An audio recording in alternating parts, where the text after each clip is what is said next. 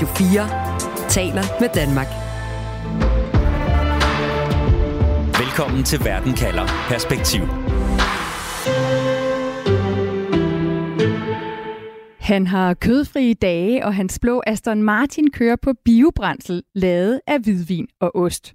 Og så har han ventet længere end de fleste på det embede, han faktisk er født til.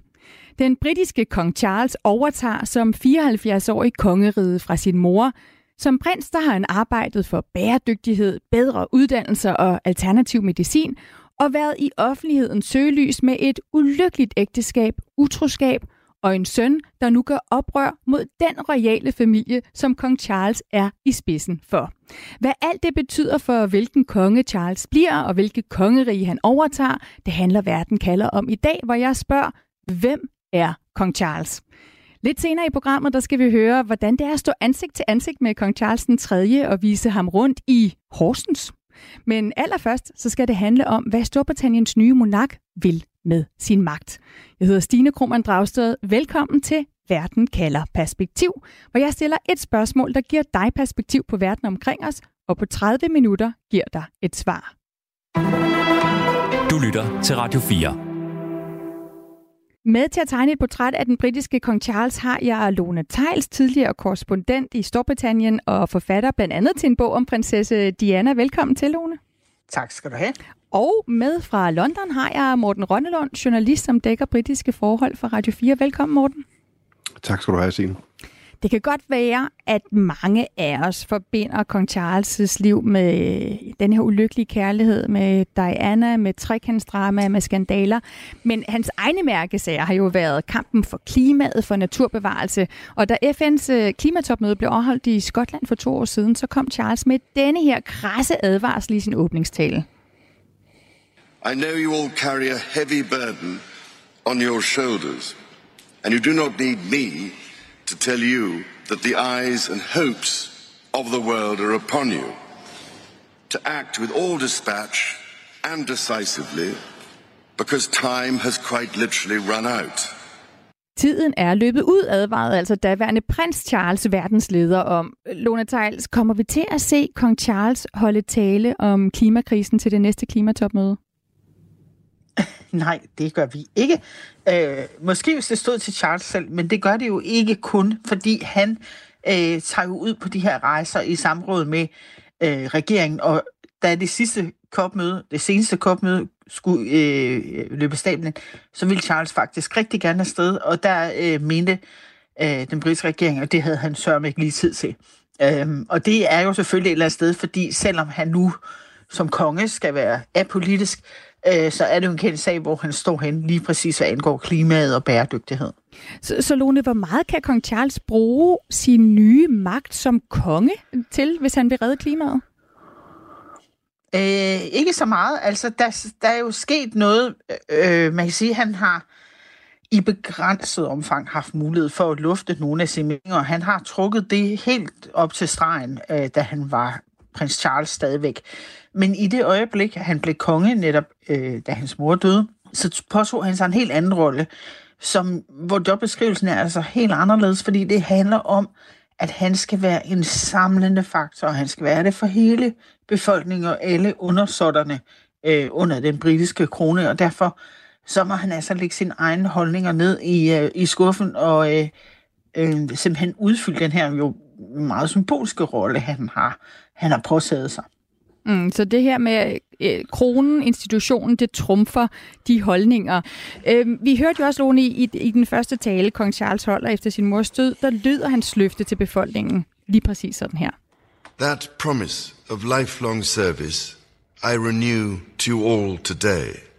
I too now solemnly pledge myself throughout the remaining time God grants me to uphold the constitutional principles at the heart of our nation. Altså, jeg ved ikke, om det er sådan, Charles lyder normalt, når han taler til folk. Jeg synes nærmest, han prøver at lyde som sin mor, da han taler her. Men, men han fornyer altså sin mor, dronning Elisabeths løfte om en livslang dedikation ikke, til jobbet som royal leder. Lone, kommer vi så ikke til at se en modernisering af kongehuset med Charles ved roret? Jo, det gør vi øh, for så vidt, og den øh, moderniseringsproces er allerede gået i gang. Øh, i den forstand, at øh, allerede øh, mens dronning Elisabeth stadig var i live, så var det en af Charles' øh, store kæpheste, at man skulle ligesom strømligne kongehuset lidt. Og det vil sige, ikke mere, øh, hvor man står sådan hele den pukkelrykkede familie på øh, balkongen øh, på Buckingham Palace og vinker se befolkningen. Der skal være fokus på dem, der faktisk laver kerneøvelserne, hvis man kan kalde det sådan, hvis man skulle se lidt på kongefamilien som et firma. Så der skulle være fokus på øh, nu kong Charles og prins William, og så derefter øh, prins George, som jo så øh, også øh, står til at, at få kronen en gang, når øh, prins William ikke længere er konge. Mm. Øh, og, det, og det er simpelthen en del, at man skal simpelthen skære væk, øh, altså både sådan Prince Andrew, han, han, er, han skal ikke sådan ses offentligt af, af flere forskellige grunde, han har jo nogle skandaler i bagagen, men også hans familie, hans børn, altså prinsesserne Beatrice og Eugene, altså de skal ikke rigtig være en del af det kongefamilie, de skal ud og, og have deres eget liv. Okay, så kong Charles han vil have et mere streamlinet øh, britisk monarki. Det, det er ambitionen for kongehuset. Morten Rønnelund, hvad er ambitionen for ham selv? Altså, hvilken type konge vil Charles gerne være? Ja, vi mangler at få svar på det spørgsmål sådan for alvor, men jeg tror i hvert fald for ham selv sådan en privat lille, et privat lille løfte, det er ikke at falde igennem efter mor, og, øh, og det er svært ikke at gøre, fordi hun var øh, så stærk især på traditioner og sin forståelse af, af institutionen. Og det er også derfor, han har så travlt med at, at læne sig op af hendes løfte. Han ved godt, der er rigtig meget kraft i hendes måde at have udført det på. Så jeg tror gerne, at han vil ikke være den, der gjorde, at det det døde. Så, så bygge en eller anden form for bro til den næste generation, også fordi han ikke får 70 år øh, på magten. Det tror jeg godt kunne være en ambition. Og så det der med at slanke kongehuset, altså han har snakket om det siden 90'erne, så det er ikke en panisk, nymoderne, under hårdt pres øh, fyr med guldhat, må hellere spare på tingene, mens, øh, mens det er dyrt at leve. Den har han faktisk snakket om altid, så den kan han gøre med en vis grad af troværdighed, og måske også blive defineret af, fordi den, den pointe har han ejet i, i flere årtier. Og så er der jo det her faktum, at Charles ikke bare skal være konge for Storbritannien, han skal også være konge for de mange lande, som er en del af Commonwealth, altså den her sammenslutning af 56 lande, hvor de fleste har været under det britiske imperium tidligere. Da dronning Elizabeth døde, der besluttede Australien, som altså er en del af, af Commonwealth, at de britiske royale ikke længere skulle være på de australske pengesedler. Altså, kong Charles skal ikke erstatte sin mors ansigt på landets 5 sedler. Morten Rønnelund, hvordan kan det være? Altså, kan de ikke lide Charles lige så godt, som de kunne lide Elizabeth? Det er muligt, men jeg tror, en, en væsentlig pointe er, at rigtig mange nationer er kommet til et punkt, hvor nu vil vi have vores, øh, vores, vores egen forfatning, vores, eget, vores egen historie, måske i, i virkeligheden, og, og tiden er løbet lidt fra øh, kongehuse. Øh, dem, som, øh, som har det i baghaven, og, og hvor det ligger meget hårdt på ryggraden, lad, lad dem beholde det, men vi er en anden type nation, og vi er klar til at gå ind i, i, i 2023. Og så tror jeg, at øh, Elizabeths død har været altiders lejlighed til at lave det skifte. Øhm, og, og det behøver ikke nødvendigvis at betyde, at vi kan ikke lide ham. Øh, jeg tror i, i høj grad for rigtig mange af de nationer, at det betyder, at vi var sådan set klar til at gøre det tidligere, men vi kunne godt lide hende, så vi ventede lige til, hun ikke var der mere. Og så er der selvfølgelig nogen, der er mere krigeriske. Altså det er ikke andet end et par timer siden, at øh, øh Sky News herover kunne fortælle, at nogle højt placerede øh, jamaikanske øh, regeringsfolk øh, er, er klar til at holde en afstemning om at komme øh, ud af det britiske greb. Øh, og det er også folk, der kalder øh, nationen for racistisk og sådan noget. Så der er også nogen, der er decideret rasende. Men for at spole tilbage, jeg tror mange af de nationer, der hopper af nu, de var modne til det længe. De ventede på, at det her skifte kom denne her beskyldning om racisme, den kommer ikke kun udefra. Den er også kommet fra øh, familien selv. Altså Charles' egen søn Harry hans kone Meghan ligger i åben krig med familien. Der er alle mulige andre skandaler i den kongelige familie, som Charles nu er et overhoved for. Lone, du nævnte før hans bror øh, Andrew, der har været anklaget i en sexskandale med en mindreårig pige. Lone Tejls, altså, hvor stor en del af Charles' job som konge bliver det egentlig at altså, bruge tid på at løse de her konflikter og skandaler internt i kongehuset? Jamen, jeg tror, han sådan selv håber så lidt som muligt. Og han har jo ligesom forsøgt at rydde lidt op allerede inden den her kroning, så han har fået meddelt, at øh, prins Andrew han skal flytte i noget mindre, og det han skal flytte i, det er Frogmore Cottage, som i sin tid øh, tilhørte Harry og Meghan, og den må de så afstå. Så han prøver ligesom at rydde op i det her lidt øh, syndige rod, som som familien er ved at udvikle sig til, og han har ligesom med de her ting, han har meldt ud i god tid inden kroningen, så har han øh, ligesom forsøgt at vise noget handlekraft øh, og sagt, altså nu skal vi have løst det her en gang for alle. Jeg vil simpelthen ikke have det her hængende over hovedet, øh, den her eventlige konflikt. Så det tror jeg egentlig, han, øh, han forsøger, og det er også noget af det eneste, jeg sådan lige sådan kan sætte fingeren på, at han faktisk har fået sat gang i som, som konge. Men altså spørgsmålet er, hvor langt han når med det, fordi jeg tror ikke, at Harry og Meghan nødvendigvis øh, siger stille, bare fordi at de har måttet afstå den her, øh, det her sted, hvor de har boet. Men det kan godt være, at de kommer en del øh, færre gange til Storbritannien, og så har han jo måske vundet noget der, og han har også over for familien ligesom vist, at øh, hertil og ikke længere. Lad os prøve at kigge lidt øh, nærmere på, hvem den her person, som nu skal være konge Charles, han er. Og lad os starte med at møde en af dem, som har mødt kong Charles. Lytter til Verden kalder Perspektiv på Radio 4. Harald Mikkelsen, han er nemlig en af dem, der har mødt kong Charles, da Charles som prins tilbage i 2012 besøgte Danmark. Øh, her ville Charles gerne høre om uddannelser inden for bæredygtighed, så han tog til Horsens, hvor Harald Mikkelsen tog imod. Han er rektor for professionshøjskolen via University College, hvor der var stort på styr over at skulle han kommende kongen på besøg. Ja, men selvfølgelig er det jo specielt. Det er klart, altså det, øh, det er det jo. Øh, vi kunne se det på nogle af de, af de reaktioner, der kom også fra studerende. Vi har jo mange internationale studerende. Øh, altså, og de var jo sådan, øh, altså fuldstændig over at køre over det simpelthen. Øh, og det, og det, øh, på den måde er det, er det jo sådan, der kan man godt mærke, at det er et stort kongehus fra et stort land. Øh, og det, det var selvfølgelig noget specielt. Og hvad var dit indtryk af ham? Hvordan oplevede du at være omkring ham på sådan en dag, hvor han skulle rundt og se jeres øh, skole? Jeg oplevede ham som øh, meget afslappet, øh, stille og rolig. Øh, man, man ved jo godt, at det er noget, at, at det er en særlig person, det er klart ikke, men, men altså han, han, han øh, gjorde meget, synes jeg, for at opføre sig som, øh, sådan, øh, som, som man naturligt vil gøre som gæst i vores hus, og øh, det klarer han øh, til UB, synes jeg. Øh, spurgte om gode ting, og, og fik, altså, og var, var nysgerrig på det, vi viste ham, øh, helt generelt. Og hvad gør man så, altså når man står over for øh, prins Charles? Stikker man ham bare lappen og giver hånd, eller, eller får man at vide, hvordan man opfører sig omkring ham, eller hvordan har Ja, nu, nu er der jo nogle detaljer, som er forsvundet i mellemtiden. Det er trods alt 11 år siden. Øh, hvad hedder det? Men, men man får at vide, hvordan man tiltaler. Og den, øh, som, som jeg husker det, så er den regel, vi også fik at vide dengang, at man siger jo Royal Highness, øh, som det jo er. Øh, øh, og, og da, den første gang, man tiltaler, man tiltaler den kongelige, øh, og efterfølgende gange, så er det Sir og Ma'am. Men jeg er lidt nysgerrig på, gav du ham hånden, Harald? Kan du huske det? Ja. Ja. Hvordan var det? Jamen, det føles fuldstændig som et menneske. Så det var ikke noget bestemt håndtryk, det var et helt almindeligt håndtryk? Fuldstændig almindeligt håndtryk. Det, det var det. Jeg, jeg tror, når man er, man er født til at blive konge, så tror jeg også godt, man ved, at man er noget særligt på en eller anden måde. Men, men det er der jo mange måder at lade komme til udtryk. Uh, altså, Charles var, uh, gjorde det på en måde, som, som uh, gør, at man også føler, føler det behageligt at have ham som gæst, og, og ikke som et, altså ikke som et uh, ubærligt pres, uh, hvis man kan sige det sådan. Og, og han uh, understøtter heller ikke det, at man altså sådan bliver starstruck eller noget af den retning. Altså, det, det, det, det gjorde han ikke noget i. Sådan siger altså Harald Mikkelsen, rektor ved Professionshøjskolen via University College, som journalist her på Verden kalder Nana Chili Guldborg havde talt med. Du lytter til Radio 4.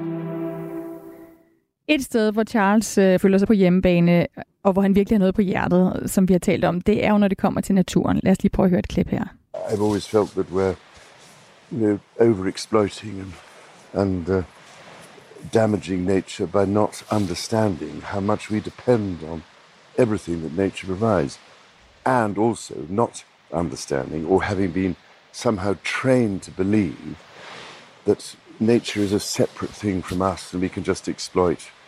Ja, i det her klip fra BBC, der kan man høre det engagement, som Charlton har, når han taler om vores forhold til naturen, at vi ikke er separate fra naturen, hvordan vi ikke kan udnytte den, sådan som vi gør. Lone Tejls, han, han får jo ikke, måske ikke lov til at holde taler til klimatopmødet som kongen, men det her engagement, giver det ham adgang til et andet publikum, der måske ellers ikke har kongehuset som, som største fans?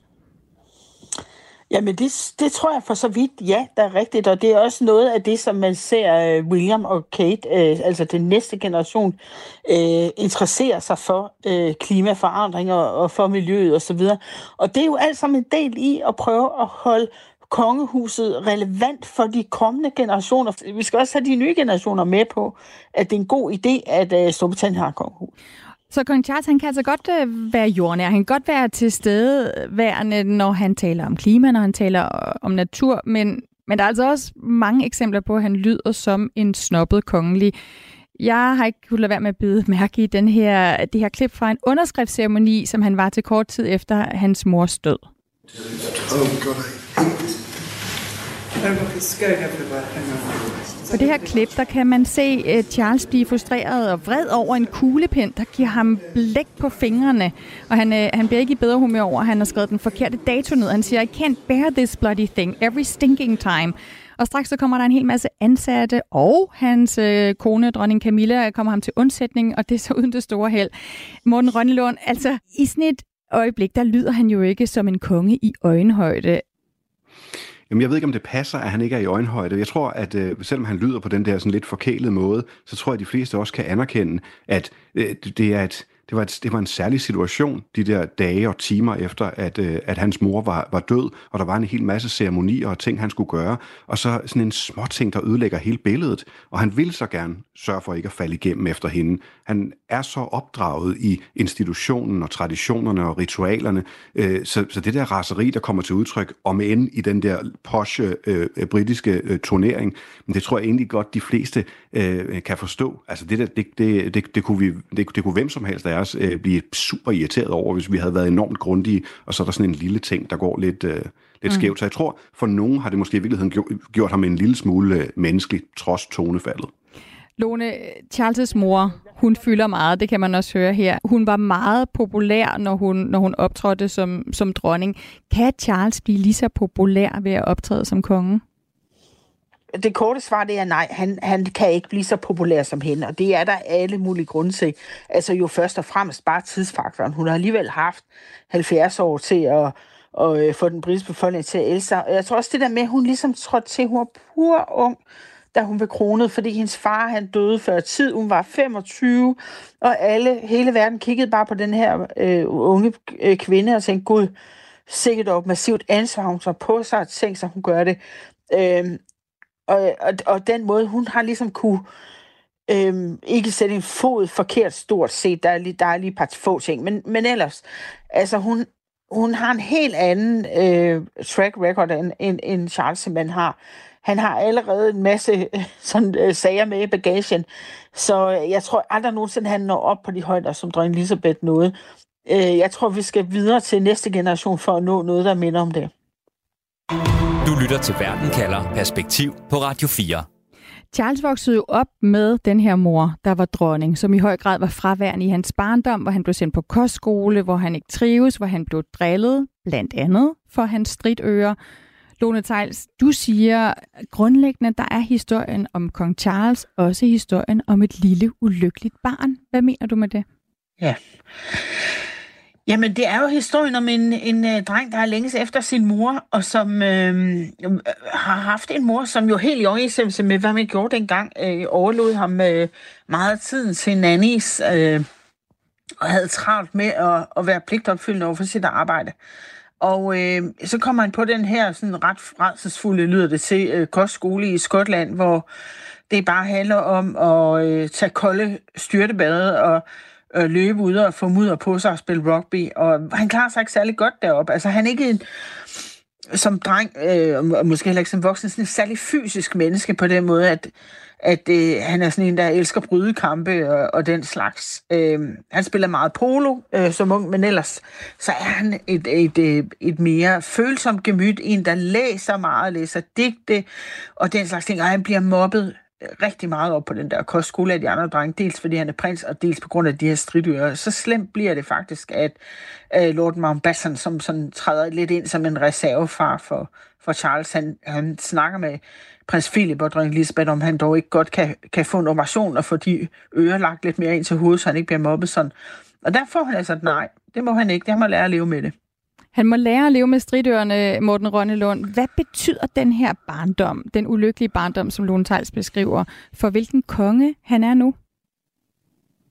Jeg tror, at øh, hvis man kigger på hele historien, så betyder det, at han øh, i dag måske har et lille hjørne af stolthed ved at have overkommet det.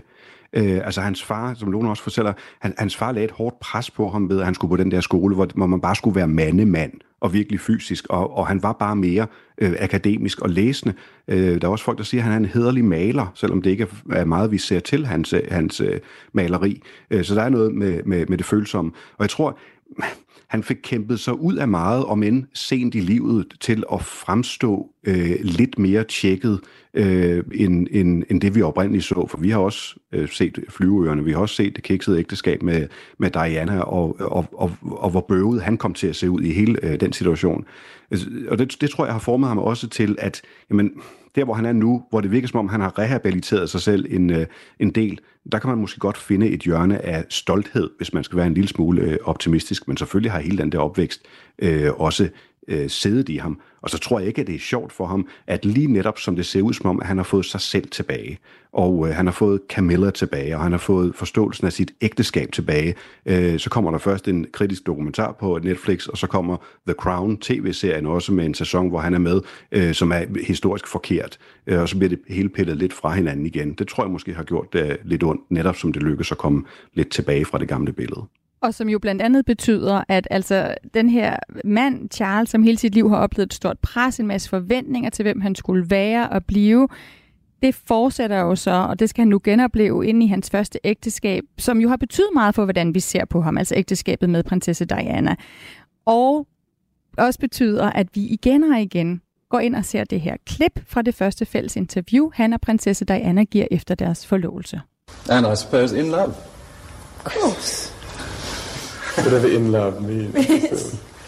Ja, han bliver spurgt, øh, og jeg regner med, at I også er forelsket, og så siger Charles lidt henkastet, whatever love means. Ikke? Øh, det er blevet spillet igen og igen som symbolet på, hvad vi jo senere fandt ud af i Lone Tejls var et dysfunktionelt ægteskab. Hvor skældsættende er hans forhold til prinsesse Diana for Charles' liv? Jamen, det er jo skældsættende på alle mulige måder. Altså, først og fremmest, så vil jeg sige, det var jo øh, måske jordens dårligste match. Han er presset til at finde en at gifte sig med, fordi at, uh, han bliver jo ældre og ældre, og kravet er, at han skal finde sig en jomfru, og der er han jo altså nødt til at, at finde det blandt den yngre del af den kvindelige befolkning.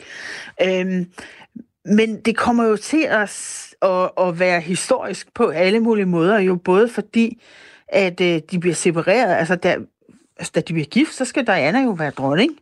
Øh, og nu får britterne lige pludselig ved, at nu skal de separeres, og så bliver de jo så efterfølgende øh, decideret skilt. Øh, og, og det, det river gulvtæppet væk for mange britter, at det ligesom, at, at den slags ting foregår i den kongelige familie. Øhm, så, så det, og, og mange kigger jo på Charles, fordi det bliver ret hurtigt kendt.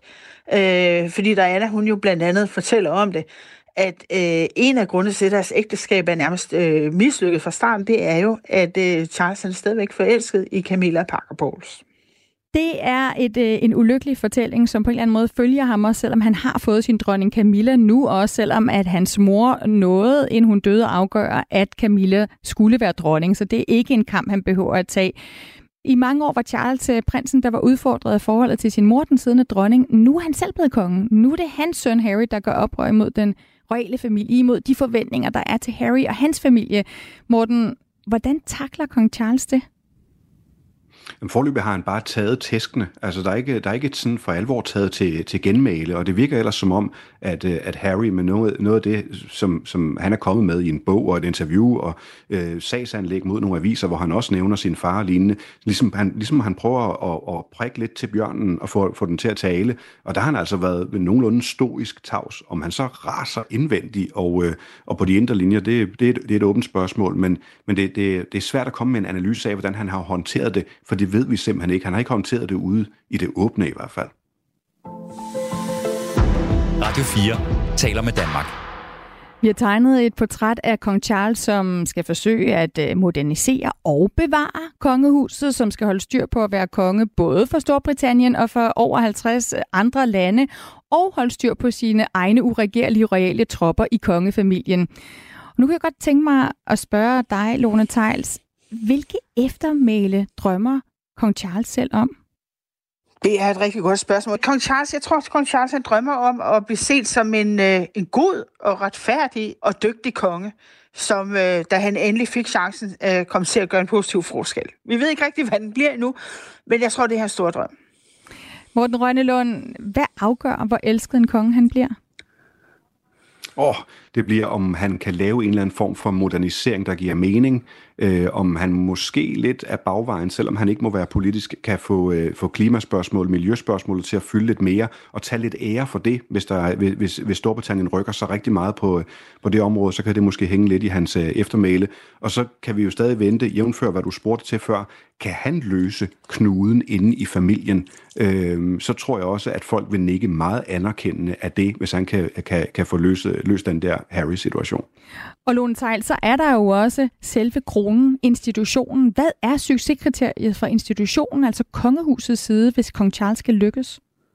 Stabilitet og kontinuitet, øh, samtidig med, at man altså holder sig relevant for alle undersorterne, og det vil sige også de nye, der kommer til, de unge. Tusind tak for den konklusion, Lone Tejls, altså tidligere korrespondent i Storbritannien og forfatter til en bog om blandt andet prinsesse Diana. Også tusind tak til Morten Rønnelund, journalist med fra London, som dækker britiske forhold for Radio 4. Du har lyttet til en podcast fra Radio 4. Find flere episoder i vores app, eller der, hvor du lytter til podcast. Radio 4 taler med Danmark.